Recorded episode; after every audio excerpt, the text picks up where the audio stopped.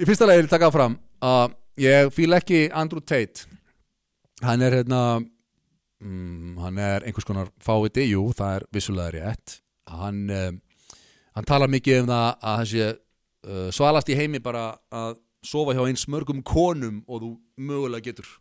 Hann er á móti einkvæni og hérna og uh, segir bara að, að, karlmenn sko veist, þeir, þeir eh, skori bara í kúlstegum eftir í hversu marga konur þeir sangi hjá og, og hérna og hann uh, sá, já, sá hann líka einmitt, hann var hérna að monta sig að því að hann var að reka svona skím þar sem að hann var með konur í vinnu hjá sér í Östur-Európu uh, sem voru bara í því að fefletta karla sagt í bandaríkjónum og Európu voru sagt á internetinu bara eitthvað oh, please will you send me money? I'll be your girlfriend. I come, I come to you. I get passport visa if you can buy for me. Og Andrew Tate fyrir aftur bara já segðu þetta og segðu þetta. Og hann var sagt hann var raking in millions of dollars bara á þessu bara með einhverjar með einhverjar konur í, í vinnu eða, eða jú, örglega hann væntalega verið með konur í vinnu sem hafa sendt stundum einhver vídeo á sér og svona þannig að karlarnir urðu bara algjörlega ástofnir og dældu peningum til Rúmeníu eða Östur-Európu þar sem Andrew Tate stjórnaði þessu og hann var að stæra sig að þessu. Þetta er auðvitað, þetta er auðvitað fáið því það er ekki spurning.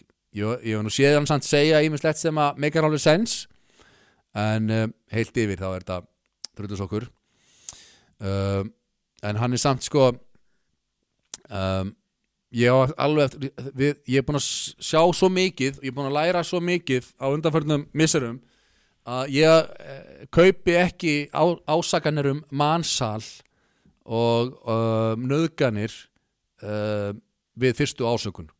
Það er bara búið að gerast nógu mikið til þess að, að maður sér að, að hérna, heimurinn, heimurinn hann virkar á lævísan hátt og það er ekki hægt að trúa öllu sem maður les.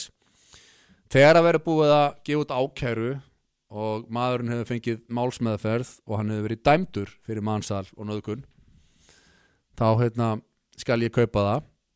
Uh, en að fleia svona fram ásökunum við einhvern mann sem er óvinnsalisti maðurinn á internetinu er svona, það er eitthvað stef sem að ég er ofan vanur að sjá þú veist, ef þú ert, með óvinnsalega skoðanir þá eins og Beggi Ólafs sko, þið getur treyst því að nú, akkurat núna þá er Ólaf Tara og liðið þannig öfgum og þær eru sko að leita núna.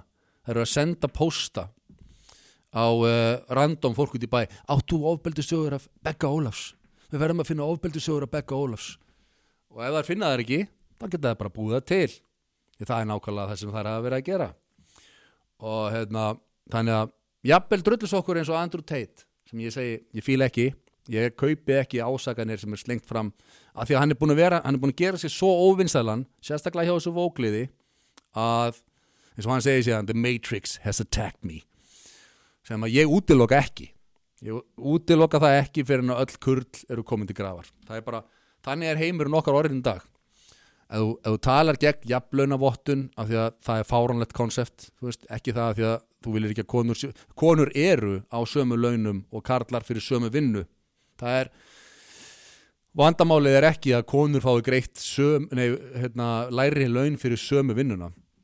Vandamálið er ef, ef þið viljið líta á sem vandamál er að hefðbundin hvenna störf það sem að fleiri konur eru að meðaltali eins og þú veist hjúkunarfræðingar, það eru til karl hjúkunarfræðingar það eru klálega fleiri konur í hjúkunarfræðistjætt hvenna störfin uh, hafa tendens til að vera oflátt launuð og það þarf að laga sko kynbundin sko vinnumarkað en ekki kynbundin launamunur er, er bullshit, allavega, allar rannsóknir að sínt það.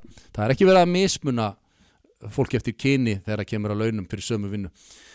En hérna, ef þú lýsir þessum skoðunum eins og ég hef gert þá, þá ertu komin í ónáðana hjá, hjá vókliðinu og það er ekki hrifið og það fer það fer að tjekka hvort það getur ekki örglega fundið einhvern skít um þig til þess að reyna að gera líf þitt uh, ömulegt og hérna, ég veit að Beggi Ólafs hann er nú svo stríheill drengurinn að, ef það kemur eitthvað fram um hann að þá verður það uh, eitthvað sem er búið að kokka upp.